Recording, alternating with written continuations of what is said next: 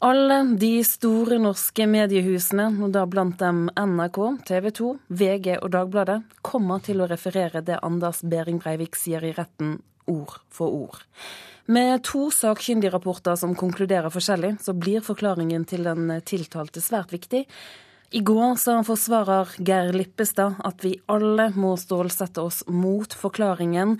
Debatten har rast rundt hvorvidt mediene kommer til å gi Anders Behring Breivik en talerstol. Uansett kommer det meste av hva han sier til å bli referert. Det vi gjør er at vi har en reporter i retten som skriver en såkalt covered Live-dekning eh, for nett. Når terrortiltalte Anders Behring Breivik forklarer seg i Oslo tinghus neste uke, vil NRK skrive ned det han sier, ord for ord, og publisere det rett på nett forklarer Per Arne Kalbakk, programdirektør i NRK. I utgangspunktet så vil vi publisere det han forklarer. Dere har jo tidligere vært ganske restriktive til å formidle hans eh, synspunkter. Hvorfor eh, en slik åpen linje nå? Fordi en rettssak er noe helt, helt annet enn f.eks. et uh, intervju. Det er uh, rettsstatens åpne oppgjør med en gjerningsmann. Det er noe som formidles til offentligheten, og noe som pressen mediene formidler. Redaktørene har mulighet til å sensurere bort deler av forklaringen underveis. Det vil skje om det kommer detaljer om drapene mens politiske motiver i størst mulig grad skal formidles, sier Kalbakk. Til utgangspunktet ikke er noen sider ved hans politiske motiver som vi ikke vil, eh, vil eh, publisere opplysninger om. Men det er klart at eh, vi sender ikke dette helt ufiltrert. Vi vurderer hver enkelt setning som skrives, faktisk. Og vi skal også fra redaktørhold vurdere helheten i det han forklarer. Hans egne ord, rett ut til folket. Det er dette Behring Breivik ønsker, sier forsvarer Vibeke Hein Bæra. Det er klart at det som er viktig for, for ham, det er å, å eh, få forklart sitt budskap om hvorfor han gjorde det han gjorde. Det skal han også få. Eh, så Sånn sett så er han opptatt av at forklaringene kommer ut, og at det eh, reises en debatt. Det er han godt forberedt på. Leder for Antirasistisk Senter, Kari Helene Partapoli, er på besøk i Palestinaleiren ved Jakobskirken i Oslo. Nå er vi i Palestinaleiren, som eh, har, er en, eh, en leir med 20 palestinske asylsøkere. Hun er blant dem som har uttrykt bekymring for at den innvandringsfiendtlige Behring Breivik skal få en talerstol i media. Nå har hun gitt opp kampen mot at synspunktene til den terrortiltalte formidles gjennom aviser, TV, nett og radio. Skulle selvfølgelig ønske at vi alle sammen slapp å høre hva hans motivasjoner er, hva hans politiske ideologi er. Men eh, jeg tror at eh, dette ikke kan, kan unngås. Men får Behring Breivik nå en talerstol i media, når han ordrett skal få forklare seg i pressen? Behring Breivik har egentlig hatt en talerstol i media siden 23.07. juli. Og det jeg håper, det er jo at vi klarer som samfunn å ta imot, fortolke det budskapet han har. Eh, og selvfølgelig det viktigste av alt er jo at man eh, tar avstand fra det. Noen kvartaler bortenfor er folk i gatene på Grønland lei av å høre om Behring Breivik allerede før rettssaken har startet. Kommer du til å lese hans forklaring når den eh, kommer ut på nett? Ja, jeg skal ikke lese i hvert fall. Hvorfor ikke? Nei, jeg er drittlei av hele saken for lengst. Jeg syns han fikk veldig mye oppmerksomhet, som han vil da. Egentlig han vil ha mye oppmerksomhet. Flere mener likevel det er viktig at forklaringen blir formidlet med hans egne ord. Men så syns jeg likevel at man skal på en måte høre og prøve å forstå det han tenker, for å kunne resonnere oss fram til hvordan sånne ting kan skje. Per Arne Kalbakk forsikrer at NRK ikke vil viderebringe den terrortiltaltes ord ukritisk. Mye av det han kommer til å si er jo kjent allerede, eh, og vi mener vi har gått med motstemmer, for å si det sånn, som kan bidra til å balansere det eventuelle talerstolinntrykket noen frykter at den forklaringen skal gi. Programdirektør i NRK Per Arne Kalbakk til reporter Ida Kvittingen. Mange har vært opptatt av at denne rettssaken ikke må bli en talerstol for den tiltalte. Blant dem er lederen for den nasjonale støttegruppen etter 22.07, Trond Blattmann. Ja, det blir ti uker med helvete, det. Enten det blir referater uh, ordrett fra gjerningsmannen eller ikke, så kommer det til å bli steintøft. Men, men uh, vi er opptatt av at uh, det som kommer fram i rettssaken, det skal kunne dekkes av mediene. Ja, altså, vi har vært tydelige tidligere på at vi ikke ønsker å gi gjerningsmannen en talerstol, eh, sånn at han kan få gi uttrykk for sine synspunkter og ideologier. Når vi nå er kommet til rettssaken, så er det jo sånn at det ikke er noe referatforbud. og I så måte så må presten få lov å gjengi det han sier ordrett, hvis de ønsker det. Eh, samtidig så går det jo an å oppfordre presten til en viss varsomhet i forhold til beskrivelser og lignende, hvis det er mulig. Det sa Trond Blattmann. Traktormote er god butikk. Simen Stålnakke og Peder Børresen står bak klesmerket Moods of Norway, og i fjor så solgte de klær for 291 millioner kroner. Det gjorde at motegründerne kunne ta ut nærmere 50 millioner kroner i utbytte. Vi har lagt bak oss et fantastisk år, sier daglig leder i Moods of Norway til Dagens Næringsliv. På Gotland så ble det i påsken gjort et funn av nærmere 6000 sølvmynter fra vikingtiden. Funnet er så stort at det lokale museet holdt det hemmelig til over påsken. Det er for tidlig å si hvor mye sølvskatten er verdt, men ifølge avisen Jyllandsposten så kan det dreie seg om over en million kroner. Broadway har fått en ny konge. I løpet av påsken så smøg musikalen The Lion King seg forbi The Phantom of the Opera som den mest innbringende musikalen gjennom tidene på New Yorks berømte teaterscene. Vel fortjent, det sier tidligere teatersjef Svein Sturla Hungnes, som ble slått i bakken da han så forestillingen. Jeg satt jo og ble litt på den gode måten som barn igjen, da. Når du, når du sitter der og, og fryder deg over det du ser, fordi det er så fantastisk laget. Tusenvis av barn deltar ikke på kulturarrangement fordi foreldrene ikke har råd til å sende dem på kino eller i svømmehallen. Men en ildsjel så problemet og hadde en idé, og nå er denne ideen i ferd med å spre seg til hele Norge. Det er veldig rørende, for jeg vet hvor mye det betyr for de barna. Det er det aller viktigste. Ann Kristin Bekkevold bruker fritida si til å reise landet rundt for å få kommuner til å starte med opplevelseskortet slik at også barn med dårlig råd skal få være med på kulturaktiviteter. Eh, det starta med at jeg har snakket med ulike barn og foreldre da, som har slitt økonomisk, og jeg vet at eh, de syns det var veldig tungt å si nei til, til barna sine om at de har ikke råd til å sende barna på kino eller, eller ulike aktiviteter, fordi det er et stort press i økonomien. Rundt 74 000 barn i Norge lever i dag i familier med en inntekt som er lavere enn 60% av gjennomsnittet der de bor. Foreldrene har ikke råd til å sende barna sine på kino, teater, svømmehall eller andre kulturtilbud. Du får gjort noe. Det er et treffsikkert tiltak. Ordningen er basert på frivillighet, og Nav velger ut de barna som har størst behov for kort. Hun har nå satt i gang dette i Ålesund, basert på at hun møtte mødre som fortalte henne dette. Etter at Bekkevold startet med opplevelseskortet i Ålesund, sa en engasjert kulturminister før jul at dette skal bli et tilbud for barn i hele Norge. Men det trengs noen stimuleringsmidler til å spre dette rundt omkring i hele Norge. Møre og Romsdal fikk 300 000 kroner i støtte fra departementet, og innfører nå opplevelseskortet for hele fylket i sommer.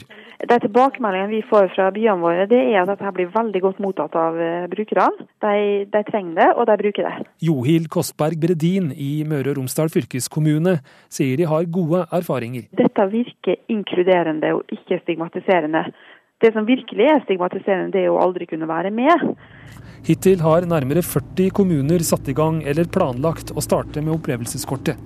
Ja, Det er fantastisk. Eh, det er bare en kjempeglede. For jeg vet jo hvor mye det betyr for de barna som får det. Veldig enkelt og ubyråkratisk. Sier Anne Britt Li i Lillehammer, en av flere kommuner som vil innføre opplevelseskortet fra i sommer. Jeg håper jo det at uh, disse ulike private aktørene er sitt samfunnsansvar bevisst og blir med på dette her. Målet er at alle, absolutt alle ungene skal ha de like rettighetene. De gjør det gratis. De syns dette her er uh, veldig viktig å være med og bidra. Mm. Folk føler at det, det, er jo, det føles vondt for å se at det er eh, barn da, som ikke får den muligheten som andre barn. Det er det det bunner i, tror jeg. Bekkevold bruker fritida si til å reise rundt til kommuner over hele landet for å informere om opplevelseskortet. Men selv om kulturministeren var imponert over hva hun har fått til, får hun ikke noe pengestøtte fra departementet til arbeidet. Men jeg skulle ønske at jeg fikk støtte. Jeg jobber jo ellers i helsevesenet og jobber med det når jeg ikke jobber med dette her, men jeg skulle ønske at jeg fikk støtte. Og støtte til organisasjonen eh, hadde vært veldig kjekt. Selv om Møre og Romsdal har fått de midlene, så det, har jo ikke jeg fått det. Ja, Derfor har vi gitt penger til Møre og Romsdal fylkeskommune for å spre dette til hele Norge. Kulturministeren vil ikke gi mer penger til prosjektet enn de 600 000 Møre og Romsdal allerede har fått. Ja, Vi ga penger til Møre og Romsdal fylkeskommune nettopp for å kunne spre dette til hele Norge.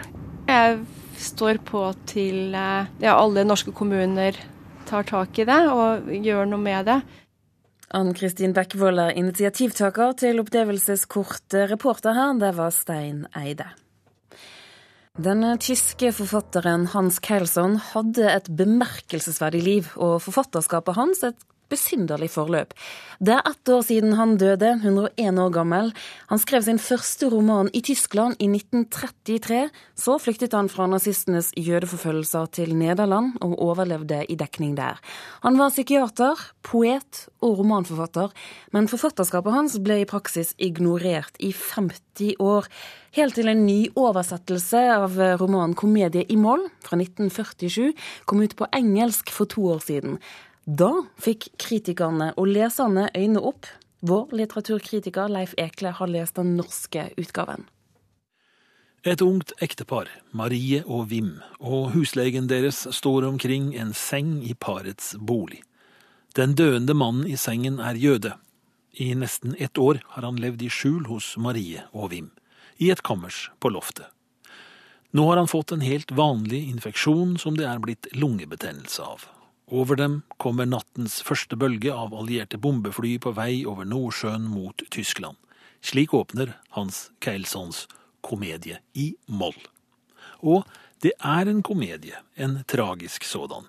Vi ler ikke, men hva kan man annet gjøre enn å smile av alle hverdagslige problemer, de fleste mer pinlige enn farlige, som oppstår når man tar et helt ukjent menneske inn i huset, en som ingen andre enn noen ytterst få må vite om, som må jages i skjul når fiske- eller melkemannen kommer, en som er så inderlig ensom, en man ikke helt tør spørre om det ukjente jødiske i bakgrunnen hans, han kunne jo bli støtt.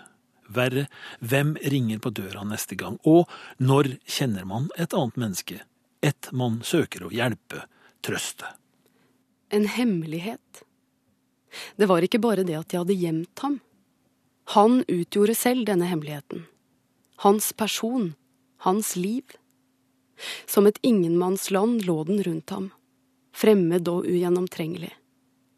Avstanden var uoverkommelig som fra den andre bredden av en elv, der det henger damp over vannet mellom breddene. Damp som dekker over den klare sikten, syntes hun, allerede mens han levde, at alt hun hørte og så av ham, stemmen hans, bevegelsene, smeltet nesten sammen med de upersonlige, fargeløse tåkeflakene. Nå var han død og ute av huset, men en hemmelighet var blitt værende igjen, som en siste rest. Hva hemmeligheten består i, skal leseren få oppdage selv.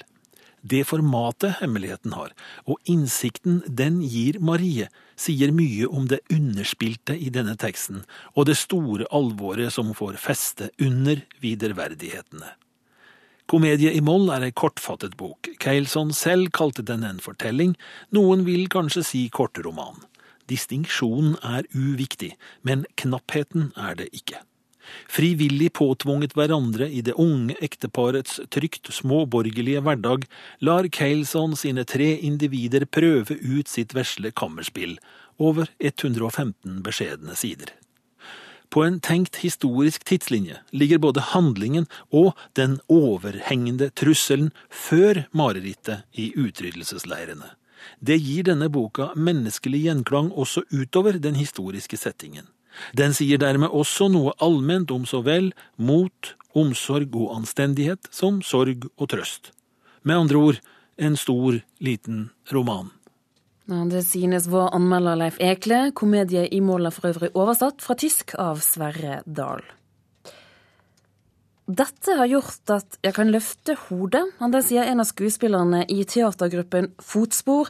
Denne gruppen så dagens lys ved hjelp av Kirkens Bymisjon i Kristiansand for to år siden, og skuespillerne er nå snart klar for premiere i Sørlandets nye kulturstorstue, Kilden.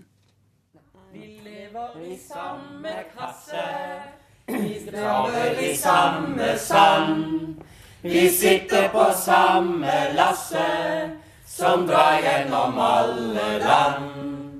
Vi baker og vi bråker med spade og med spann. De åtte skuespillerne i teatergruppa Fotspor har én måned igjen til premieren på Kent Anderssons teaterstykke 'Sandkassen'. Ennå gjenstår litt finpuss. Hva er det du gjør? Hva tar du deg til? Gjør som jeg sier. Gjør som vi vil! Duken er vasket. Spis pent og vær snill. Let ikke med maten. Nå sitter du still. Teatergruppa ble starta for drøye to år siden av Kirkens Bymisjon i Kristiansand og Kilden Dialog, sier en av initiativtakerne, skuespiller og instruktør Lene Marie Brageli. Altså akkurat dette prosjektet er jo en del av den tanken, dialogtanken. Det er at man um, tilbyr profesjonell uh, eh, samarbeidsform med folk som kanskje kunne tenke seg å eh, drive med kultur. Og å komme og se på kultur. For kultur er ofte har en sånn slags skille mellom liksom de som føler seg vel inne på en kulturinstitusjon, og folk som ikke gjør det i det hele tatt. Så det er en tosidig sak. Men det er medinnlevelse, altså man kan få lov til å være med. Det er jo startet masse flere prosjekter, kor og alt mulig sånt nå. Eh, jeg tror at det å drive med kultur er, eh, eller særlig sånn, sånn som dette, lese dikt og snakke høyt og spille skuespill og sånn, det er eh, på alle måter en veldig utviklende hm, handling. Noe av tanken med teatergruppa er å la mennesker med ulike livserfaringer få oppleve mestringsfølelse av å stå på scenen. Brit har vært med siden gruppa ble starta, og sier den har betydd mye for henne. Hun hadde aldri stått på en scene før hun ble med i Fotspor. Eh, jeg har vært eh, en del uten noe fast arbeid, så jeg begynte da i For ikke å gå så lenge, så begynte jeg i Bymisjonen, og da fikk jeg være med på Fotspor. Og da har jeg Etter hvert nå så har jeg jo fått jobb, da, så, så jeg jobber jo, men allikevel mandagen nemlig å ha fri. For det, det betyr veldig mye for meg å være sammen med disse menneskene. Du har jo vært litt inne på det, men hva gjør dette med deg som menneske? Det gjør at jeg eh, verdsetter meg. Altså, jeg kan ting. Jeg bør ikke Jeg kan løfte huet. Jeg, jeg kan løfte huet, så kan jeg se framover. Jeg bør ikke å, å, krype på en måte langs uh, hushjørnene og tro at det ikke er noe. Altså, jeg er like bra som alle andre. Og jeg verdsetter meg sjøl mer. Uh, og jeg tenker det at jeg kan, jeg kan gjøre ting som jeg ikke tror jeg kan. Jeg vokser på det. Rett og slett vokser på det. Nå er både Brit, Lene og de andre skuespillerne spent på hvordan Sandkassen blir mottatt. Teaterstykket ble skrevet på 70-tallet og handler om hvordan autoritær barneoppdragelse påvirker barns holdninger fra de leker i sandkassa. Det er her de lærer seg reglene, det er her de lærer seg å ikke stille spørsmål og finne sin plass i hierarkiet. Det handler jo om eh, voksne som øh, er eh, kanskje litt strengere mot barn enn det man skal være. Og dette, ifølge dette stykket så starter det allerede i sandkassen. Så det er jo det dette stykket handler om. Det er alle på scenen hele tiden. Og tre voksne og fire barn i sandkassen. Og så er det konfliktnivå mellom dem, men gjort på en veldig surrealistisk og humoristisk måte. Ja, jeg har jobba hele dag, jeg er trøtt. Kom da, det er jo helt evighet siden sist. Skynd deg litt, da. Du kan vel være litt forsiktig? Få noe av deg klærne. Det så snerpete. Ja, reporter her, det var Miriam Grov. Og teaterstykket Sandkassen med fotspor, altså premiere i Kristiansand den 27. april. I forrige uke så markerte Sarajevo at det er 20 år siden beleiringen og starten på krigen i det tidligere Jugoslavia. Og da møttes også fotografene og journalistene som bodde i Sarajevo den gang. De møttes igjen for første gang. Den norske fotografen Morten Wahl dekket konflikten for Associated Press. Siden har han vitnet flere ganger for krigsdomstol i Haag, der bildene har vært brukt som bevis.